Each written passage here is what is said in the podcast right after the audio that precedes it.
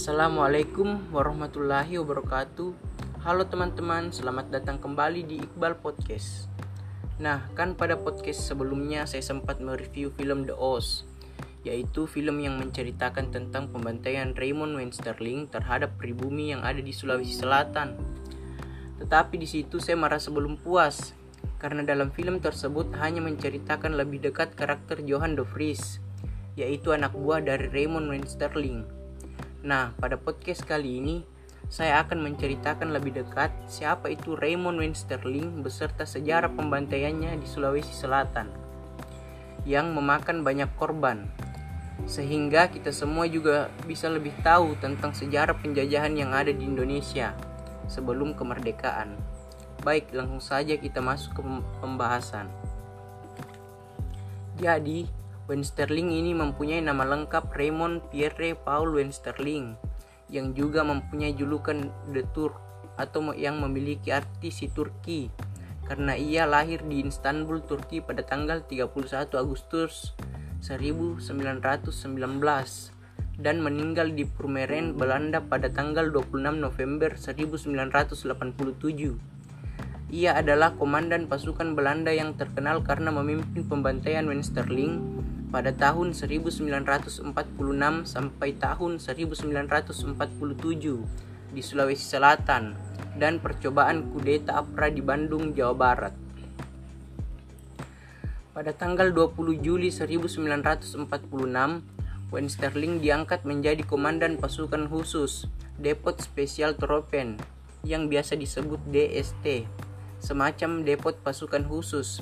Awalnya penunjukan Wensterling memimpin DST ini hanya untuk sementara sampai diperoleh komandan yang lebih tepat dan pangkatnya pun tidak dinaikkan tetapi letnan 2 atau cadangan.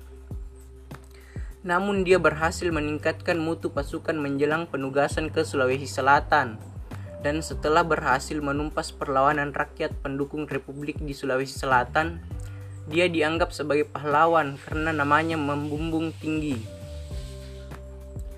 Wensterling tiba di Makassar pada 5 Desember 1946.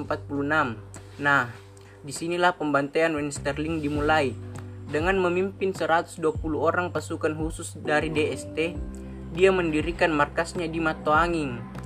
Di sini dia menyusun strategi untuk penumpasan pemberontakan dengan caranya sendiri dan tidak berpegang pada pedoman pelaksanaan bagi tentara untuk tugas di bidang politik dan polisional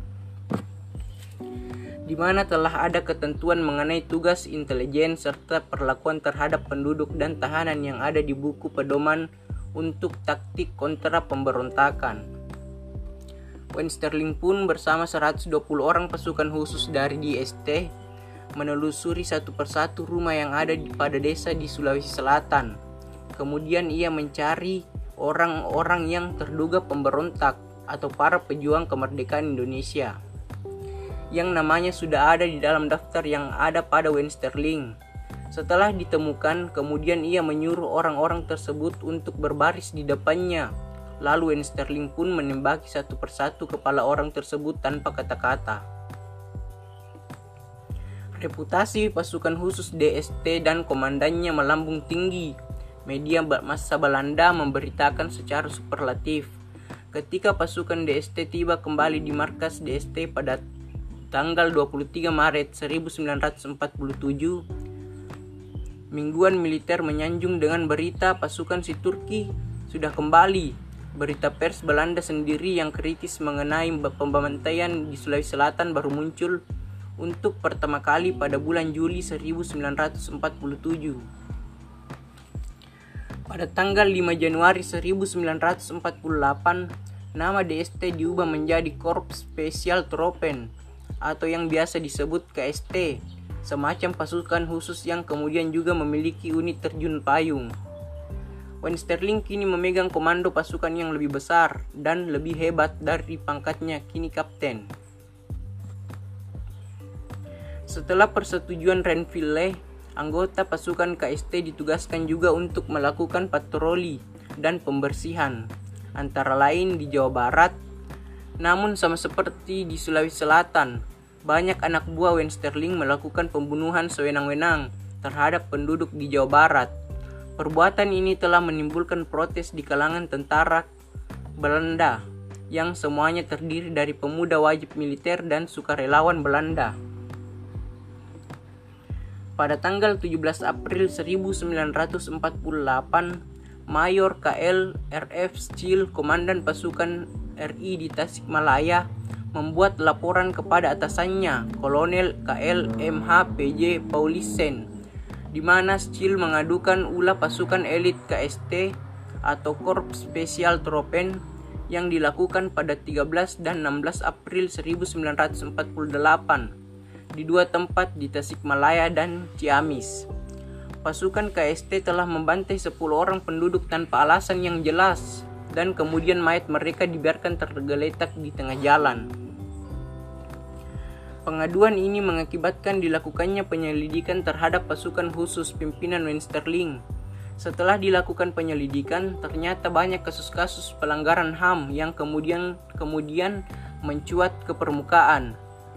Di samping pembunuhan sewenang-wenang, juga terjadi kemerosotan, disiplin dan moral di tubuh pasukan elit KST.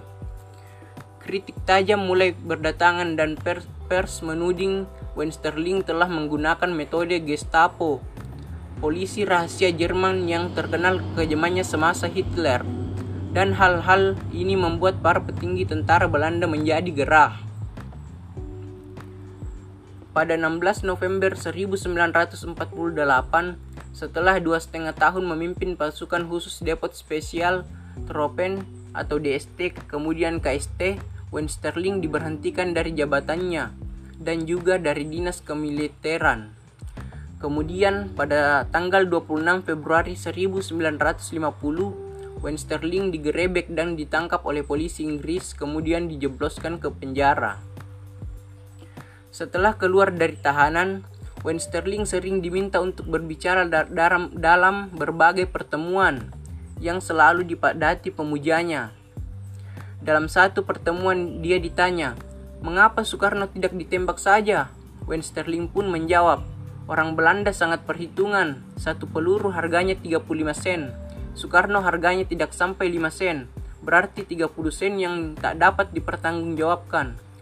Beberapa, beberapa hari kemudian, Komisiaris Tinggi Indonesia memprotes kepada Kabinet Belanda atas penghinaan tersebut. Setelah lama bebas, Wensterling kemudian sering mengisi aktivitas sehari-harinya dengan menulis dua buku, yaitu autobiografinya Memoires yang terbit tahun 1952 dan The Endling yang terbit tahun 1982. Buku Memoires diterjemahkan ke bahasa Perancis, Jerman, dan Inggris. Edisi bahasa Inggris berjudul Challenge to Error sangat laku dijual dan menjadi panduan untuk counter insurgensi dalam literatur strategi pertempuran bagi negara-negara Eropa untuk menindas pemberontakan di negara-negara jajahan mereka di Asia dan Afrika. Wensterling pun meninggal dengan tenang pada tanggal 26 November 1987. Nah, jadi gimana nih pendapat kalian tentang sosok Raymond Wensterling ini? Semoga cerita tadi bermanfaat ya buat kalian para pendengar podcast saya. Sekian dulu ya untuk podcast kali ini dan jangan lupa tetap nantikan podcast-podcast selanjutnya. Sekian dari saya, terima kasih.